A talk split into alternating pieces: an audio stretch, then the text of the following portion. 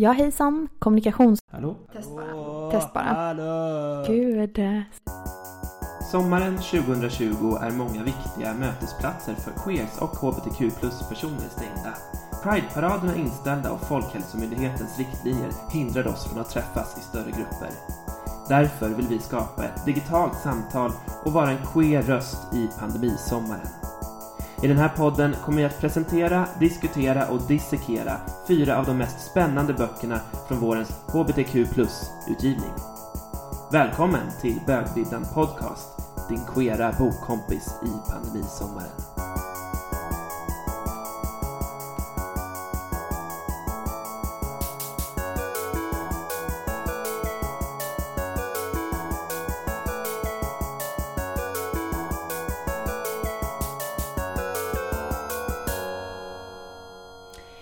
Ja, hej och välkomna till Bögbibblan Podcast avsnitt 3.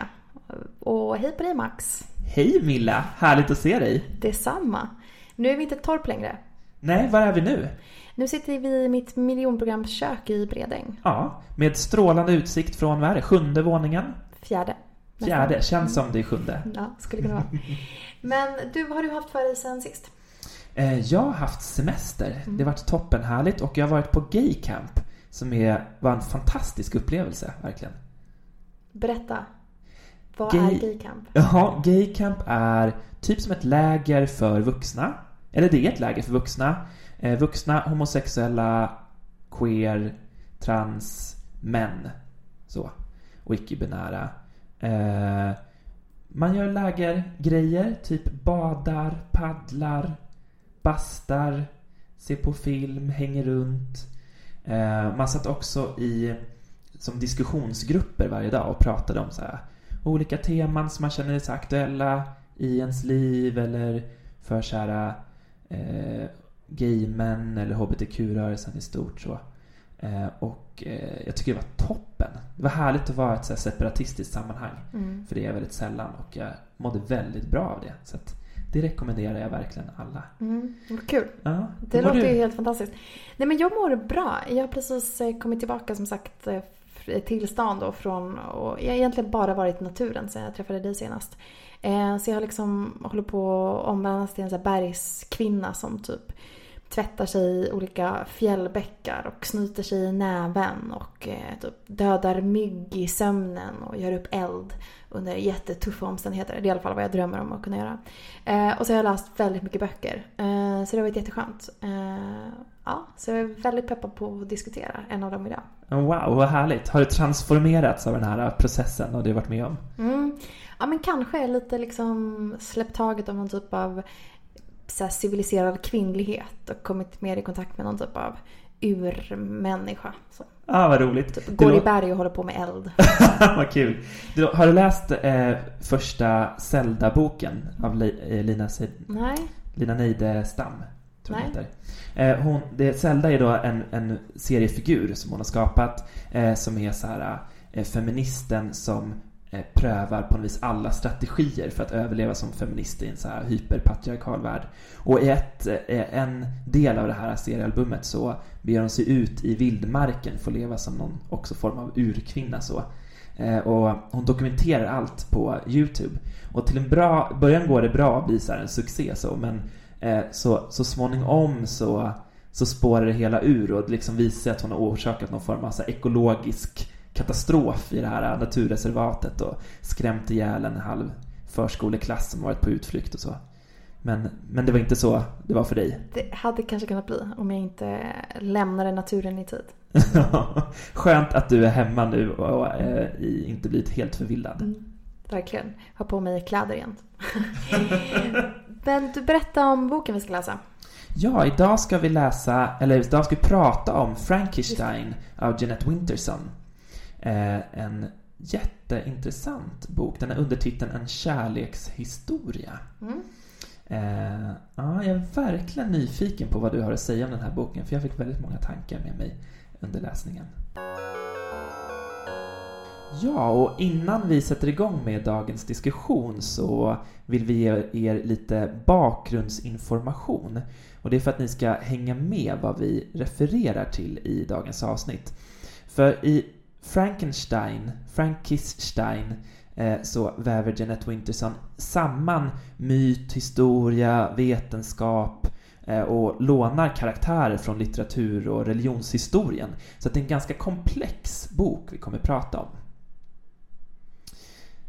Eh, och vi kommer ta avstamp en regnig juninatt vid Genevesjön i Schweiz 1816.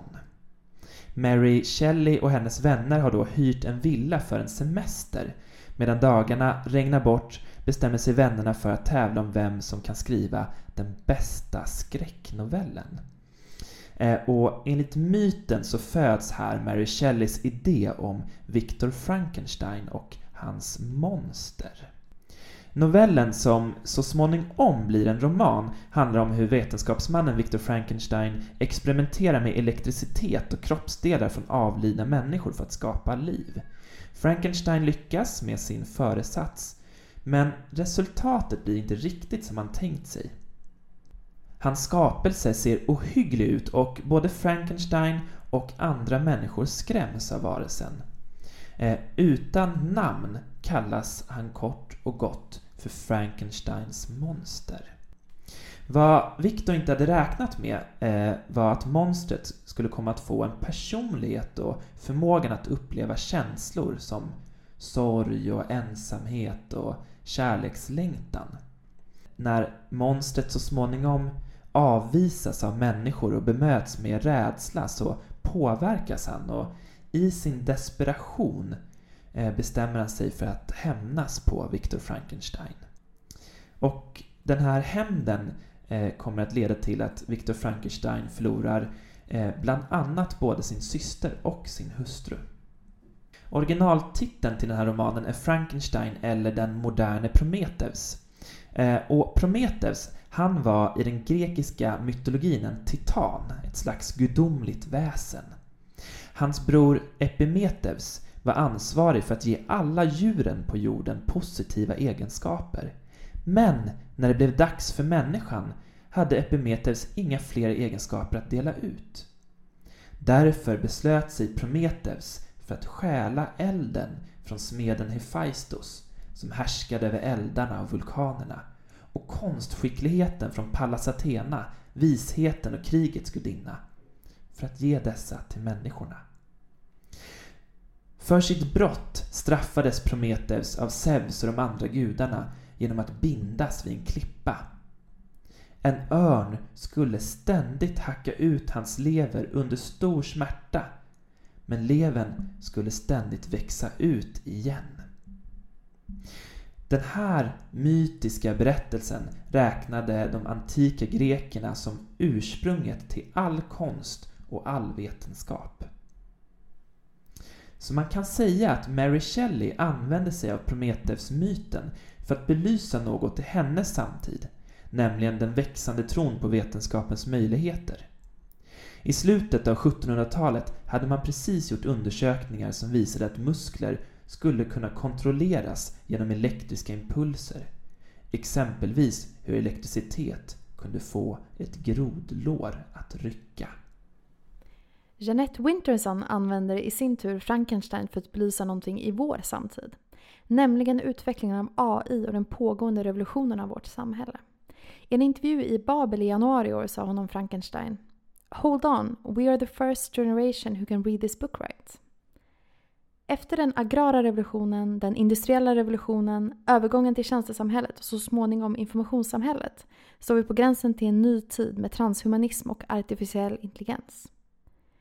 Transhumanism kan man säga är en idé eller en rörelse om att teknik kan inkorporeras i människans kropp och medvetande för att förbättra eller vidga vår fysiska och mentala kapacitet. Konkret kan det handla om proteser och pacemakers, men det kan också handla om chip i fingertopparna eller andra tekniska uppfinningar som gör att vi kan förändra våra kroppar, men också om hur vi kommunicerar med andra eller hur vi upplever världen. På många sätt växer dagens barn och unga redan upp i en transhumanistisk värld. Artificiell intelligens handlar om att utveckla tekniska maskiner, robotar och program som har en intelligens som påminner om människors och djurs. Det vill säga de kan lära sig av tidigare erfarenheter, de kan förstå naturligt språk, lösa problem, planera en sekvens av handlingar och att generalisera. Jeanette Winterson är född 1959 i Manchester, England. Hon är uppvuxen i ett strängt kristet hem med fosterföräldrar. Ett hem som hon tvingades lämna som 16-åring när hon kom ut som lesbisk för sin mamma. Hennes debut 1985, Det finns annan frukt än apelsiner, är en delvis självbiografisk bok och älskad av många. Winterson experimenterar ofta med formen och berättandet i sina böcker. Många av dem innehåller lesbiskhet eller romanpersoner som är könsöverskridande eller icke-binära. Frankenstein, en kärlekshistoria, är hennes senaste bok. Den gavs ut på engelska 2019 och på svenska på Wahlström och Widstrand 2020. Ja, som ni förstår så är det här en bok med många lager och som verkligen kräver sitt arbete att tränga in i. Eh, Milla, vad liksom tänkte du om den här boken innan du slog upp den? Eh, jag var väldigt nyfiken eftersom det är en typ av genre, alltså som liksom touchar sci-fi kan man väl säga, som jag egentligen inte alls är bevandrad i. Eh, och sen så hade jag också lite så här rädsla och verkar dum ångest eftersom jag inte har läst Frankenstein. Jag tänker att det är bäst att jag kommer ut med det nu direkt så att det är sagt. Um, jag tänker att vi kommer återkomma till det lite senare också. Men det var liksom så nyfikenhet och pepp men också en liten farhåga uh, som jag hade innan jag började. Mm, jag förstår. Har, har du läst någonting av Jeanette Winterson förut? Nej, det har jag inte heller. Du då? Ja, jag hade rätt höga förväntningar. Jag hörde talas om den här boken första gången när jag var i London förra hösten. Då hade den precis kommit ut eh, och jag var på en bokhandel som heter Gaze the Word som är London och kanske typ Europas eller världens, jag vet inte, äldsta eh, HBTQ plus bokhandel. De är så underbart trevliga, schyssta och roliga de som jobbar där. Åk verkligen dit. Men då eh, bad jag med rekommendation och det här var rekommendationen jag fick. Eh, och det passade bra för jag älskar verkligen Frankenstein som berättelse. Jag tycker den är liksom genial. Eh, jag är ju lärare och när man undervisar, eller när jag undervisar om romantiken så brukar jag lägga en del tid på Frankenstein för jag tycker det är ett sånt genialt exempel på på liksom en bok som, eller en berättelse som verkligen så fångar en tid och något så här komplex fråga i tiden. Så här, hur långt kan vetenskapen ta oss? Liksom, typ så. Så att jag hade höga förväntningar. Men sen så hade jag läst, jag läst bara en, jag har inte läst Det finns en annan frukt, men jag har läst som en liten essä, en liten samling, inte bara med essäer, men en liten samling av Jeanette Winterson på tema kärlek med utdrag från olika böcker och texter som hon har skrivit. Och den fångade mig inte riktigt. Jag blev inte så jätteövertygad. Men det kanske också var lite för att det var just så här bara små snuttar från en massa olika böcker av henne.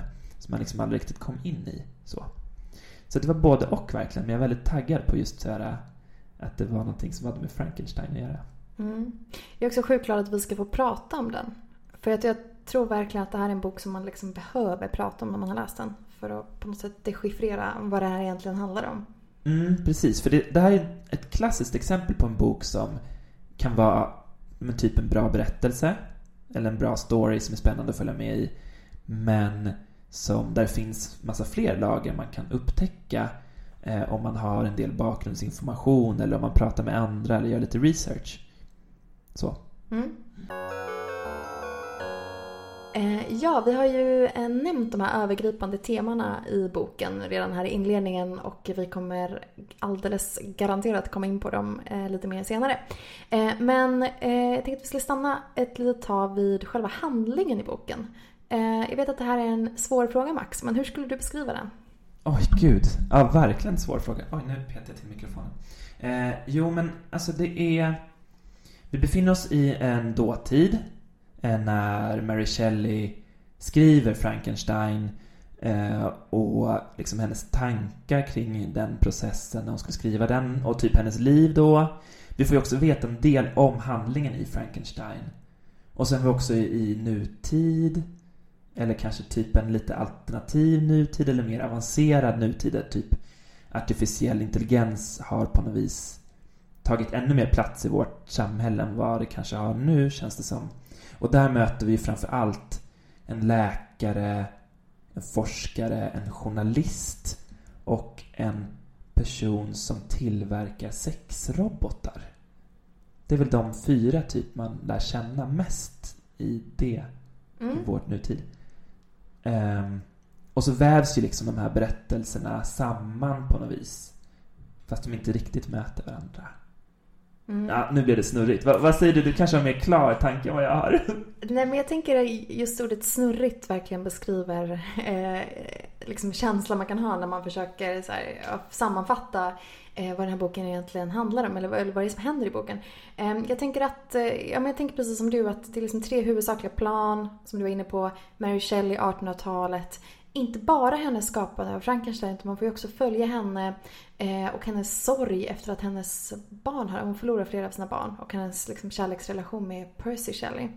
Ehm, så det är liksom 1800-talsspåret, eller liksom planet. Och sen så nästa som du var inne på, den här eh, samtida eller vad ska vi kalla Typ, det skulle kunna vara en samtid men den är lite mer avancerad än vår samtid. Eh, vår, men eh, liksom alla referenser är ju väldigt samtida. Refererar ju typ till Bolsonaro och Trump och så här. Det var väldigt spännande. Precis, det är ju liksom inte så här... äh, Och det är inte heller, skulle vara helt otroligt om det var vår samtid. Den är bara som lite förstärkt på något vis. Ja, exakt. Ehm, men också att jag liksom vill typ tänka att det är vår samtid. För det ska vara en spännande samtid. En, samtid där AI har kommit lite längre än vad jag gjort nu. Men jag tänker att vi kommer in på det eh, lite mer senare. Men ett tredje plan ehm, som är kanske det mest udda skulle jag säga är ehm, den här delen av berättelsen som utspelar sig på det här mentalsjukhuset i London. Eh, där den, den är skriven utifrån en, vad vi, jag tänker en föreståndares perspektiv som har en patient ehm, som, som heter, kallar sig Viktor Frankenstein. Som hävdar att han har skapat ett monster eh, som kommer förgöra honom. Om inte han förgör honom först. Och han vill komma i kontakt då med författaren Mary Shelley. Um, och det här är väl kanske det mest uh, så uh, svårtolkade planet, tänker jag. Eller vad tänker du? Alltså, är, det, är det här verklighet? Är det fiktion? Alltså, det är väl liksom det som befinner sig på något sätt längst ifrån någon typ av realism av de här två. Eh, om man ska jämföra med de två andra liksom, delarna eller planen. Ja, och, och jag, jag håller helt med dig om att det befinner sig längst från. Och det tycker jag ändå på något vis är talande för den här boken. Att vi är ju på något vis är vana vid ja, men så här, relativt tydliga gränser mellan så här, verklighet och fantasi, biografi och påhittat. Medan här har vi en, en, en skönlitterär tolkning av Mary Shelleys liv. Vi har ett påhittat nu med väldigt många referenser vi känner till från dagens debatt och debattklimat. Och så har vi den här berättelsen som också bara, ja, den skulle ju kunna vara sann, eller vad vet vi, vad vet jag, sådär. Men att, den, att det är, befinner sig där i något slags gränsland mellan verklighet och overklighet och sanning och, och fiktion och att det är liksom som ett skymningsland sådär. Där en liten reva i verkligheten på något vis. Men ändå inte riktigt bara påhittat. Så kändes det för mig i vart fall. Mm. Eh, så. Jag tänker en till sak som är insprängd i texten. För det, det är ju liksom inte jättetydliga kapitel. Men här och där så ligger det eh, vita sidor med citat i stor text från bara olika håll. Typ så här, något från Mary Shelleys samtid, men också eh, något citat från Googles grundare. Så att det rör sig verkligen från tid och plats och sammanhang ganska så här hejvilt. Mm. Verkligen. Hejvilt. Bra sammanfattning. Mm. Uh, jag tänker att um, man måste kanske förstå det här som en idéroman på något sätt. Där de här olika karaktärerna kanske representerar olika idéer, eh, strömningar, eh, liksom fenomen kanske till och med. Så vi kommer komma in på det också säkert senare. Men, men att boken liksom syftar till att kanske inte svara på frågorna men i alla fall ställa några frågor. eh, som är liksom högt, alltså högst aktuella idag. eh, men likväl var de aktuella på Mary Shelleys tid. Till exempel frågan om, om vi vill ha evigt liv. Till exempel återkommer ju på många olika sätt i boken. Just det, och det är ju verkligen en så här tidlös fråga i mänsklighetens historia. Som konkretiseras här på något vis. Mm. En annan fråga som eh, liksom ställs på olika sätt är ju också vad, vad, vem eller vad är egentligen monstret i, i den här berättelsen? Ja, precis. För det är ju verkligen en av de saker som kan gripa en i Mary Shelleys Frankenstein. Eh, det här med att det monstret inte får ett namn och att han på något vis, han föds god, om han nu föds eller skapas god eller kommer till liv som en god person. Men i och med att han möter bara rädsla och eh, skräck på något vis och avståndstagande, avsky, så på något vis så triggar ju, triggas de här onda handlingarna som gör att han då liksom blir ett monster, blir den här onda personen. Det är till och med så att han önskar sig en vän, en kvinna och att eh, vän, ja, ett kvinnligt monster i vart fall. Som, och Frankenstein lovar att skapa det här, den här kvinnan åt monstret, men sviker det löftet. Eh, så att han blir på något vis förbittrad innan han utför de här onda, inom citationstecken, handlingarna. Så. Mm. Eh, och en annan fråga som jag också tycker får mycket utrymme i boken det är liksom frågan om kärlek. Hon kallar det också en kärlekshistoria. Eh, det återkommer på många olika sätt. Eh, Mary eh, diskuterar med sin man Percy då ehm, om, om vad i honom hon älskar. Och hon säger att hon inte skulle kunna älska honom om han inte hade en kropp. Eh, precis samma sak säger ju eh, Rye till Victor Stein, då den här forskaren, i det här samtidsplanet eller vad vi ska kalla det. Um, att, att kroppen är så en nödvändighet för, för kärlek. Snyggt att du hade liksom noterat det, att båda sa den, eh, sa den eller den, likna, den parallellen. Mm. Mm. Ja, men det är verkligen någonting som, som liksom återkommer på många olika sätt. Så vad är kärlek och är kärlek möjlig utan en kropp? Mm. Och det är ju superintressant.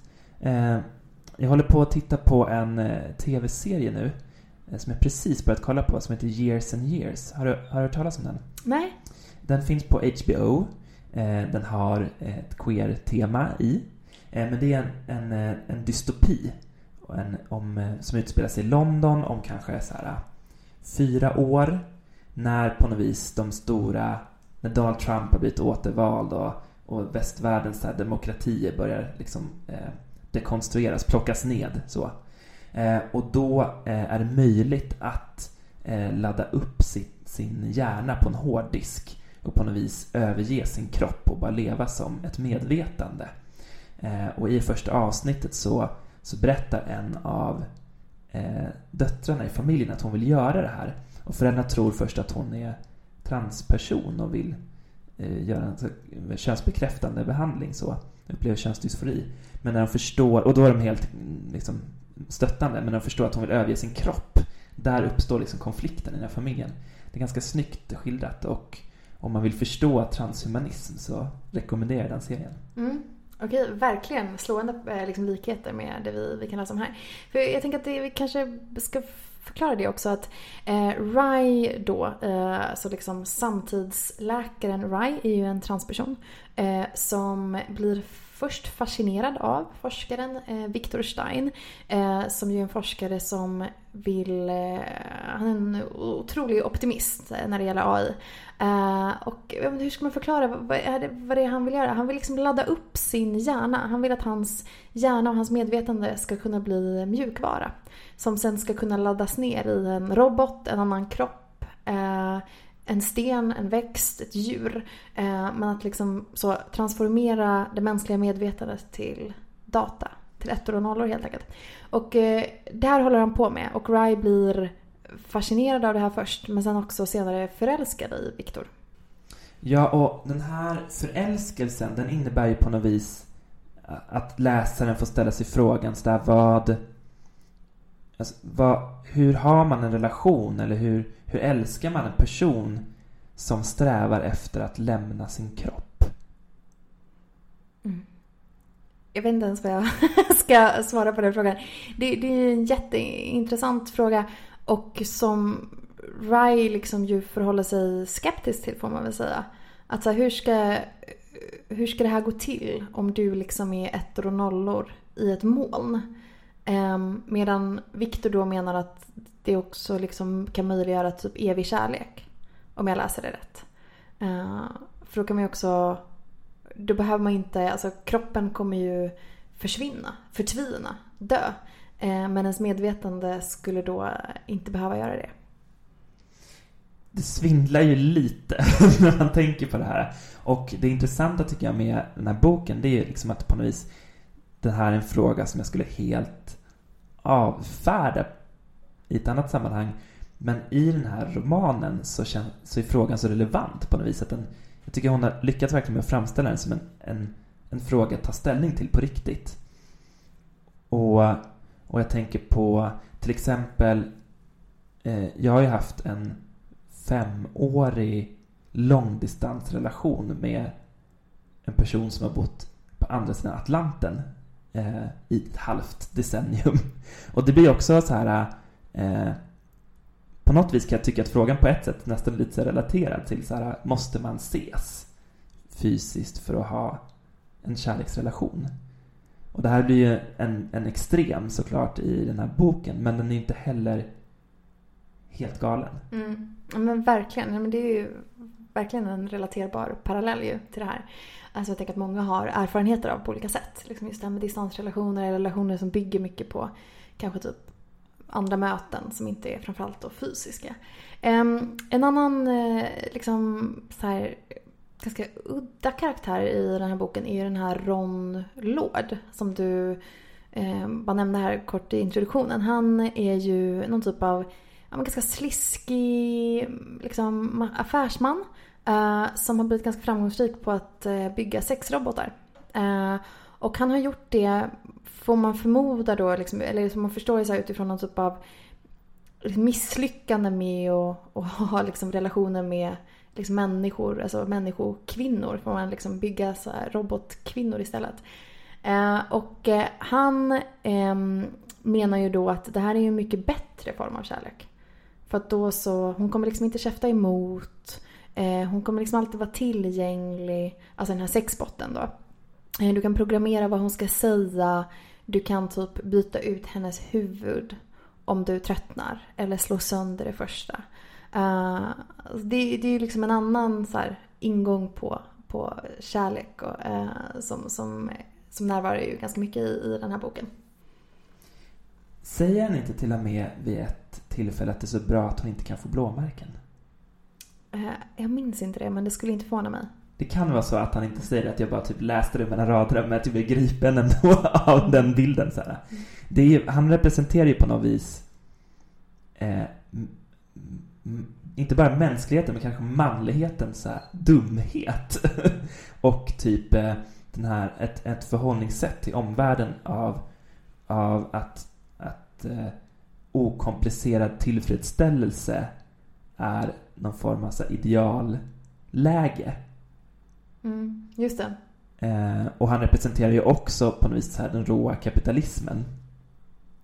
Mm, verkligen. Um, och på något sätt, att, men, men han, både han och Victor Stein, så han är ju liksom affärsmannen då och Victor Stein är då forskaren. Båda är ganska framgångsrika. Um, så, en inom sexbot-tillverkning uh, och den andra inom så forskning. Så, att, så här, jag tycker att det är en så intressant bild om man tänker på liksom, vilka är det som har drivit teknologin framåt. Så det är ju inte bara forskningen utan det är ju också typ porrindustrin som har liksom så revolutionerat så här, delar av internet till exempel. Ehm, men jag tycker någonting annat som ehm, bara nämns liksom ganska hastigt framåt slutet det är eh, den här karaktären Claire. Som är ehm, liksom följer Rye på olika sätt i det här samtidsplanet. Eh, som först liksom jobbar på en mässa eh, och är hans typ värdinna där. Eh, men sen senare så får hon en ingivelse av Gud. Ja, ni hör ju, det, det, det är ganska mycket som, som är ganska snurrigt i den här boken. Och så börjar hon jobba eh, på ett labb i eh, öknen i Arizona där man fryser ner människor som då hoppas på att senare kunna bli liksom återupplivade när man liksom har eh, kommit så pass långt med teknologin att man kan göra det. Så hon jobbar där, som träffar då på Rai igen och då via Rai då den här Ron Lord, den här sexentreprenören ehm, eh, eller vad man ska kalla honom. Och eh, hon, hon ger sig in i det här trots sin kristna tro. Eh, för att hon menar att, liksom, eller så som jag läser det, att hon menar att, att så här, en kärleksrelation med en robot också skulle kunna vara en typ jämlik kärleksrelation. För man, han skulle inte ge, botten skulle inte ge kvinnan blåmärken då i sin tur. Han skulle inte heller vara spelmissbrukare. Eller liksom spela bort alla pengar och skulle inte slå ihjäl någon. Eh, så det är liksom, ja, men intressant tycker jag att det här liksom samexisterar på något sätt. Den här möjliga utopin då. Att, här, att en relation med en bot kanske skulle kunna faktiskt vara en i, sann, i sanning jämställd relation på ett sätt som relationen mellan människor nästan aldrig kan vara. Um, samtidigt som vi har det här mörka då, liksom. Att Rons eh, bottars huvuden är liksom utbytbara för att man slår sönder dem. Mm. Och, och, här visar du verkligen på hur det här med att, att vi pratar om en idéroman och att, att romanpersonerna representerar olika idéer och liksom fungerar som någon form av så här eh, röster eller ytor för att testa olika tankar på och låta så olika åsikter på något vis mötas. Eh, och, och på så vis kan man ju verkligen säga att här, det här är en roman som inte heller är en roman utan någonting, det är en annan genre på något vis. Mm, verkligen. Jag, jag skrev faktiskt här i mina anteckningar efter att ha läst boken att jag önskade ibland att det skulle varit en essä. För att det fanns många av de här frågorna som jag gärna hade fördjupat mig mer i. Eh, men jag stördes lite grann av det här eh, ja, men ganska liksom platta skildringarna av de här karaktärerna. Och jag förstår poängen med det just för att de just ska representera idéer snarare än liksom så psykologiskt trovärdiga karaktärer. Eh, men jag tyckte ändå att det liksom hindrade mig i, i läsningen ibland. Mm. Nej men jag håller med och det är intressant för, för jag gjorde lite liknande anteckningar. Jag skrev att jag gärna hade velat lära känna någon person bättre i boken. Att det inte riktigt kändes som att någon... Eh, jag blev inte liksom riktigt så att jag behövde riktigt engagera mig så i någon, någon karaktär. Eh, och, och så skrev jag att den var lite essäartad. Och på ett sätt så tyckte jag om att den var essäartad.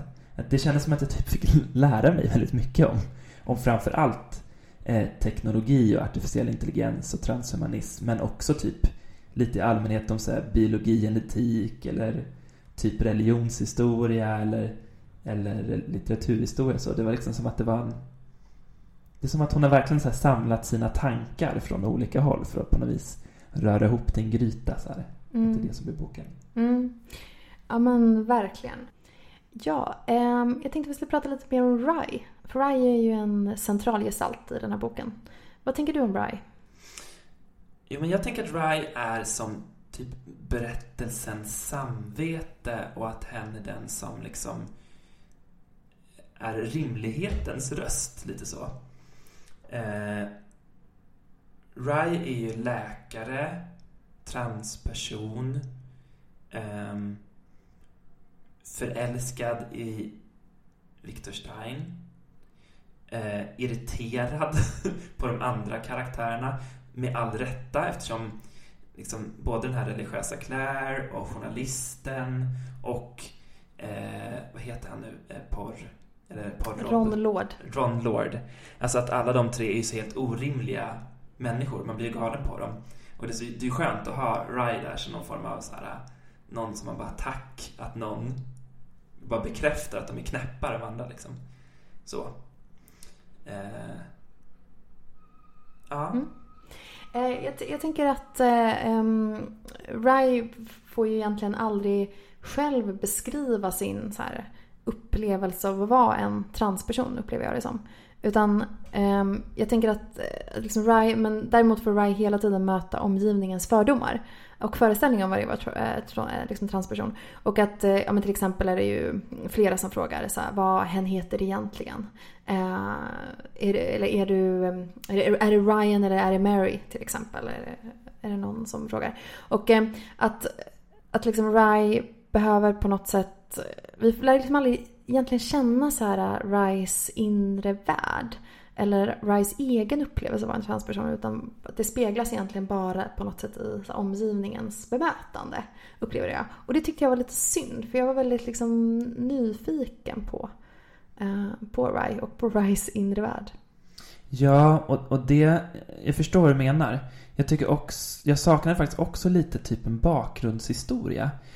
Liksom varifrån kommer Rai? Hur hamnade Rai där Rai är med de här personerna? Och det var också lite generellt. Eh, att, vi, att jag saknade just de andra, andra karaktärerna i romanen också. Mm. Den enda man riktigt lär känna det är faktiskt Mary Shelley. Mm. Ska jag säga. Ja, därför är de mest gedigna på något sätt så. Bakgrundshistoria i alla fall.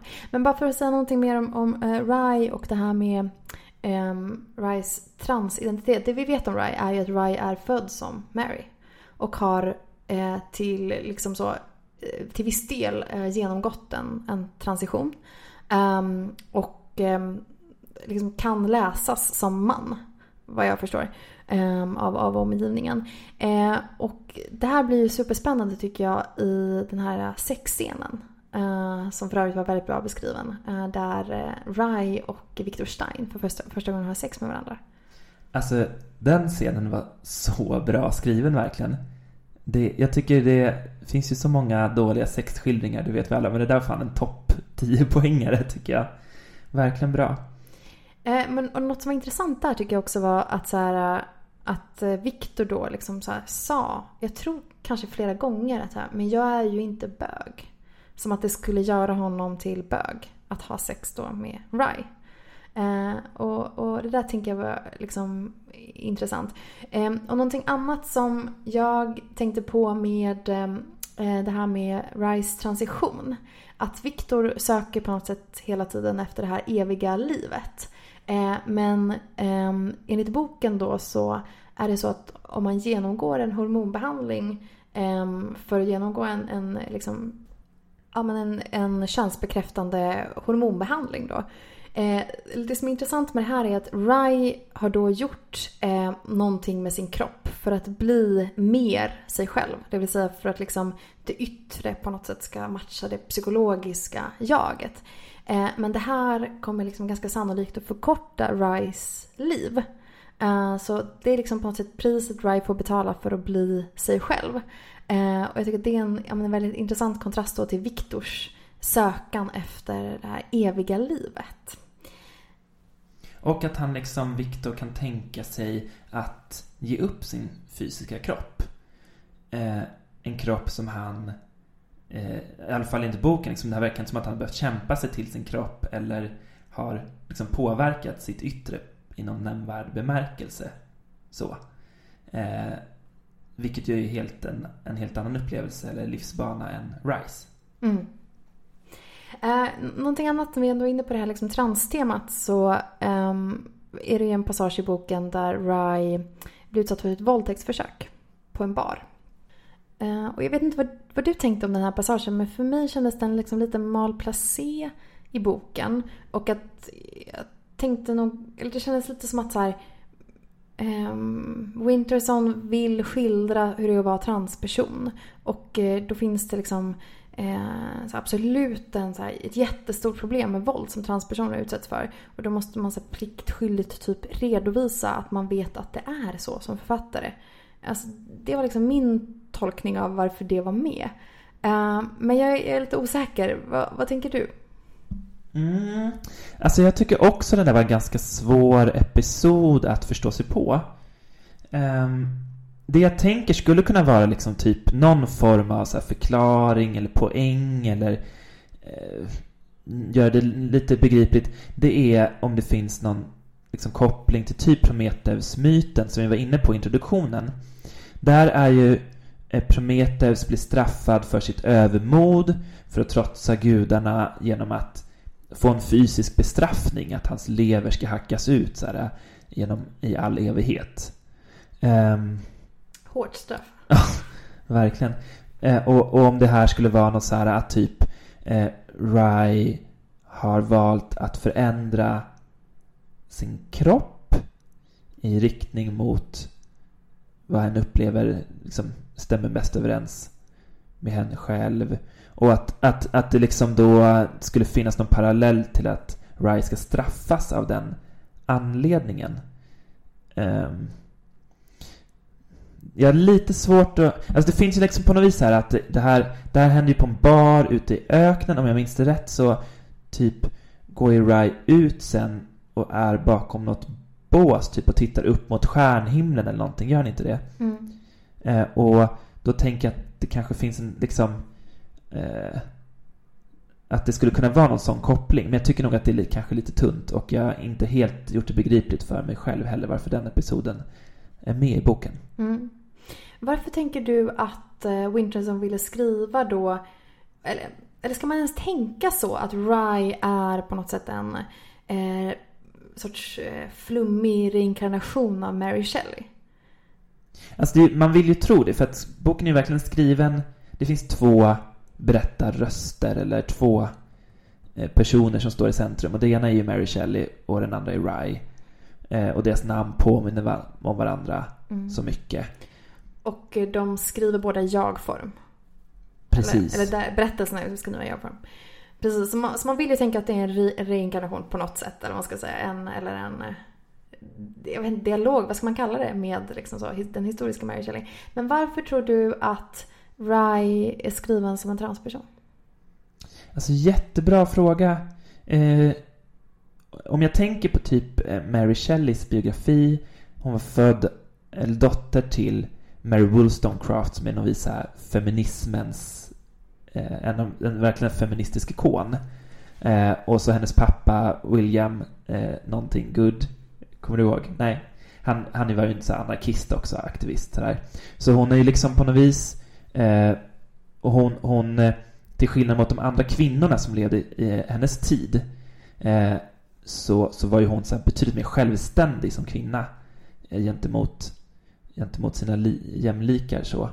Eh, och jag vet inte om det ska finnas någon form av så här, att det, ett, något släktskap i att vara rebell, att det finns någonting liksom i, i könsidentiteten där. Mm. Eh, annars så tänker jag att, att det, det, skulle kunna ha att göra med liksom att, att, eh, eh att Winterson vill skriva fram en berättelse som befinner sig i ett gränsland eh, där vi eh, den gräns, vi på något vis befinner oss i så här, den fysiska kroppens yttersta gränsland.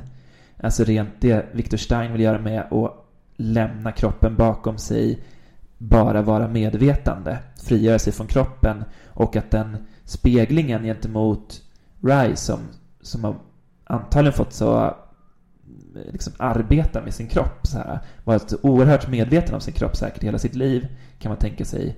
Och som, eh, som också, men som inte heller helt presenterar sig eh, vi får inte veta ett pronomen till exempel helt tydligt. Eh, att det är också någon form av så gränsland som, för kroppen som, som Winterson vill undersöka i romanen.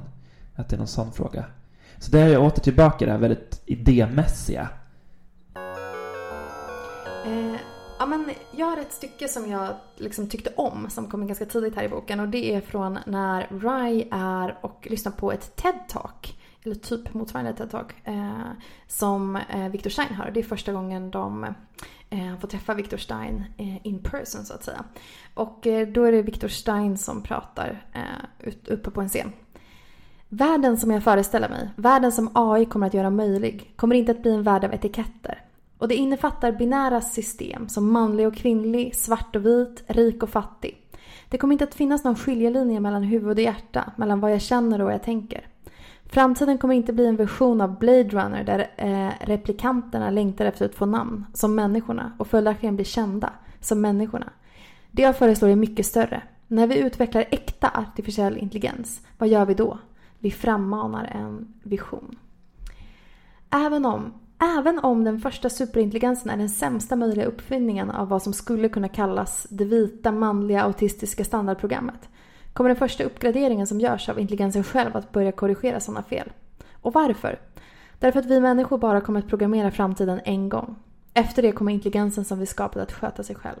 Och oss. Eh, det, man skulle kunna kritisera Victor Stein för att han målar upp en väldigt naiv bild av framtiden och vad teknologin så skulle förmå göra. Men det jag tycker om med det här, eller den här utopin, är att det är egentligen en, en queer utopi han målar upp utan att eh, aldrig beskriva sig själv som någon sorts queer-tänkare eller queer-teoretiker eller queer-person. Um, ehm, men det är ju precis det här det handlar om. Alltså en värld som inte är eh, binär utan där kön till exempel är dimensionellt och eh, där det inte finns etiketter som ja, svart eller vit eller eh, rik eller fattig och så vidare. Um, och jag, jag, jag, vill hålla fast vid det på något sätt. Den här eh, liksom optimistiska utopin kring en, en, en, eller en idé om en värld eh, som liksom inte alls eh, så här, på något sätt förhåller sig till de regler som vi, vi är vana vid och som vi liksom inte ens kan avse så, eftersom vi är så vana vid dem. Ja, men det är ju verkligen jättespännande det du beskriver med att det liksom är en, det här skulle kunna vara på något vis här äh, svaret som gör utopin möjlig, som, som gör att vi liksom överskrider etiketter och binära kategorier eh, med, med, hjälp av ett binärt system kanske i och för sig. Så, här, så. Men eh, det är på något vis som jag tycker kanske är så intressant. Eller det är, det är ju också intressant att det liksom är den här, att Winterson väljer att det är den här lite snubbiga vetenskapsmannen som ska få vara rösten som presenterar den här idén. Det som jag tänker också är att jag bara ställer mig, jag blir så frågande till bara är, är liksom eh, i liksom på något vis ändå queer eh, queer-feminismens eller queer-teorins idébygge så kan man ju på ett sätt säga att så här, kroppen är inte en del av könet eller, eller, eller jaget på det sättet. Men det är ju också, det här känns också lite som att fuska. Alltså det som Victor Stein berättar om också. För på ett sätt så tänker man att kroppen är också allt. Vi vill bara in, att den inte ska betyda samma sak som den gör i vår värld nu. Mm. Och att överge kroppen är också på ett sätt att kapitulera för så här heteropatriarkatet kan man säga i så fall på något vis. Mm, Förstår du vad jag menar? Liksom att, att jag, man vill ju, men det är utopin, men det är också är det inte ett, också ett avstånd i att lämna kroppen liksom? Vill mm. vi inte vara kroppar nära med varandra liksom på ett sätt? Um, det, Victor Stein skulle ju inte hålla med det där. För han menar ju att uh, det är lika mycket liv då att vara ett uppladdat medvetande som sen kan laddas ner till en sten. Typ. Eh, så att en kropp inte är nödvändig då för, för att vara en varelse eller för att vara vid liv eller för att kunna älska. Ja, det är väl där som är så här, kärnfrågan. Så här, kan man älska en sten? Eller kan man, eller frågan kanske är, kan man älska utan en kropp? Kan man det Milla? Mm. Jag vet inte. Jag vill på ett sätt tro att, att den fysiska kroppen eh, har, har en betydelse. så Men inte samma betydelse som den har i vår värld just nu. Jo, men jag blir lite, lite rädd och lite deppig på ett sätt av den här boken. För jag är inte så här en superteknik framåtsträvande person. Eh, jag gillar så möjligheten vi har med den teknik vi har idag. Men jag känner ingen så längtan efter att vara typ uppkopplad jämt. Eller att så här, jag tycker inte den idén så här, om typ att min mobiltelefon är mitt förlängda jag är en så härlig idé. Och på så vis så kan jag typ bli lite, ja men typ tycka att det känns så ganska obehagligt med med artificiell intelligens så som det pratas om i den här boken. Jag fattar att det är så här, säkert asbra på typ så här Karolinska institutet. Att typ det är bra säkert på något vis. Men, eh, men så som det pratas om i den här boken, liksom när vi ska typ lämna våra kroppar eller så. Eh, och, och också det här som eh, Ron Lord pratar om. Han pratar om robotar och att liksom robotar som själva kan lära sig och också kan lära sig vad vi vill ha. Eh, och på något vis att så här, robotar eller bottar närmar sig eh, människan. Eh, men, men det slog mig också när jag läste boken nu att det känns som att en viktig skillnad mellan, mellan människan och, och bottar och, och AI är liksom att människan har en historia. Ett, ett biografiskt sammanhang och ett livslopp som eh, kan ju liksom vara så här med toppar och dalar och att det gör att vi eh, har på något vis en, det ger oss någon slags moralisk kompass. För i och med att vi har en biografisk, eller en biografi så har vi också en, en hållhakar på andra människor och andra människor har hållhakar på oss. Så här, jag har jag kan inte behandla dig hur som helst för vi har vi har varit så goda mot varandra, typ så. Eh, och, och utan den, den... Jag föreställer mig att det kommer vara svårt för en bot eller ett AI liksom, att typ uppnå den typen av så här, erfarenhet. Eh, och också fundera på liksom hur, hur det här med liksom att man kan någonting. Att man har lärt sig något, att man är typ stolt för att man kan saker. Och att det oftast innebär någon form av så kamp. Att, att utveckla sina färdigheter eller sig själv som så här, en schysst person. Um, eller bara nya kunskaper så. Och liksom om den, om den typ, om man bara kan saker utan att ha behövt kämpa för dem, är man, alltså värdesätter man det då? Mm. Fattar du liksom vad jag är lite ute efter? Skulle botten vara stolt över det de kan? Är det, det din fråga? Men typ. Nej men det är en jätteintressant fråga. Eh, jag har liksom inget bra svar på den. Men jag tänker att egentligen om man vill, eh, allt du säger går ju att vändas på. Alltså, vi är inte goda. Vi kan inte tillräckligt mycket. Vi gör massa moraliska fel. Eh, så då, jag, inte, jag tycker inte att det är en omöjlig tanke att liksom så leka med i alla fall. Att, att AI skulle kunna bete sig mer gott än vad vi förmår att göra. Vad, Absolut. Vad intressant att jag mm. blev så här äh, teknikfanet. Jag, jag är liksom typ den minst tekniska äh, DJn jag känner. och, men jag, jag, äh, och liksom inte så bra på teknik alls så. Och kan inte så mycket. Men jag är så sjukt nyfiken på vad som kommer hända. Så jag tror att det är därför jag liksom inte alls tycker att det här är deppig läsning. Ja, intressant. Det här tycker jag också visar, typ vårt samtal nu tycker jag visar också på värdet med den här boken. Att att, så här, eh, att den leder in på tankar man kanske inte har utforskat jättemycket innan. Oavsett lite vilket håll man kommer ifrån eftersom den har både så teknologiska och eh, etisk, moraliska och historiska perspektiv. Så. Ja, Milla. Nu börjar vi närma oss slutet. Vad tyckte du om eh, boken? Mm. Eh, jag är väldigt glad att jag läste den. Eh, om man då nu ska tänka att antal sidor är hundörar i ett index på hur intressant den är så kan jag berätta ganska mycket hundörat. Det var liksom många så intressanta tankar.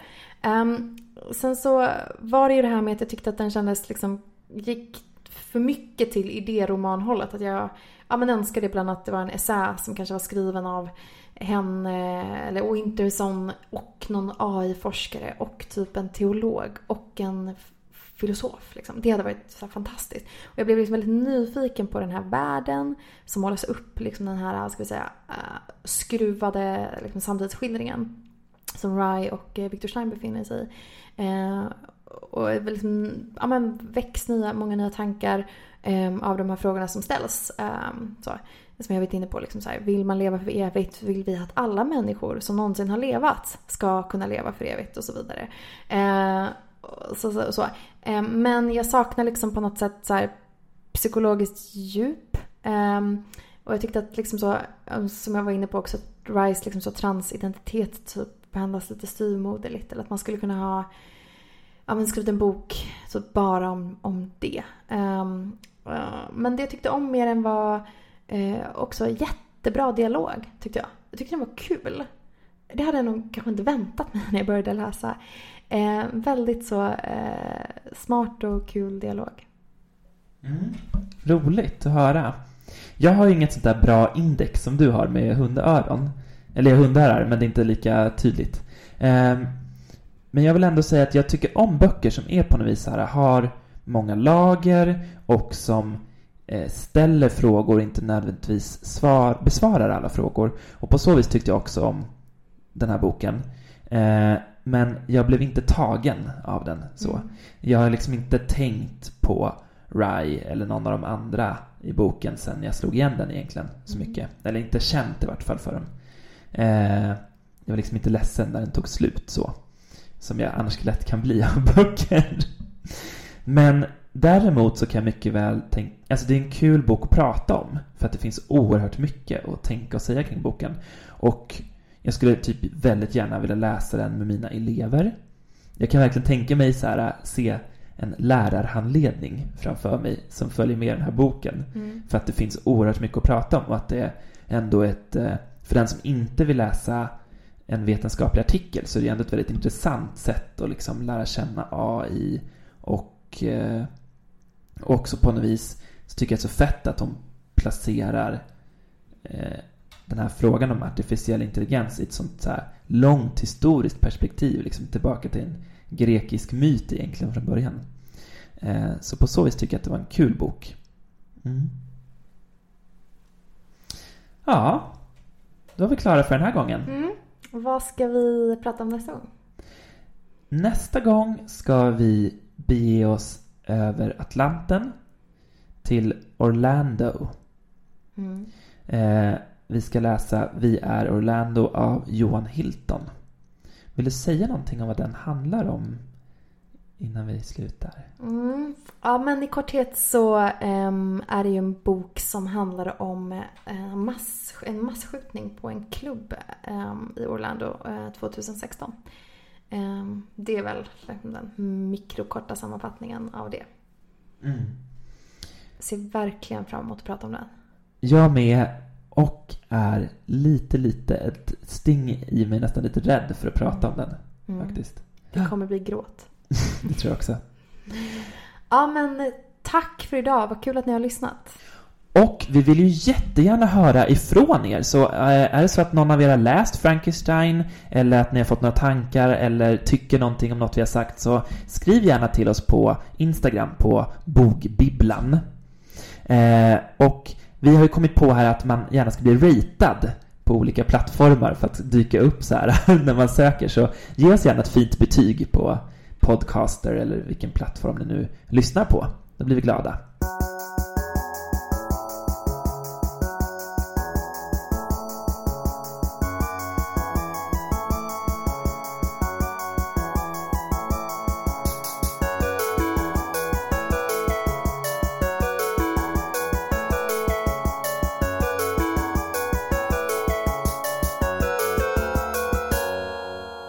Ni har hört Bögbibblan Podcast med Milla Leskinen och Max Bjuggfeldt.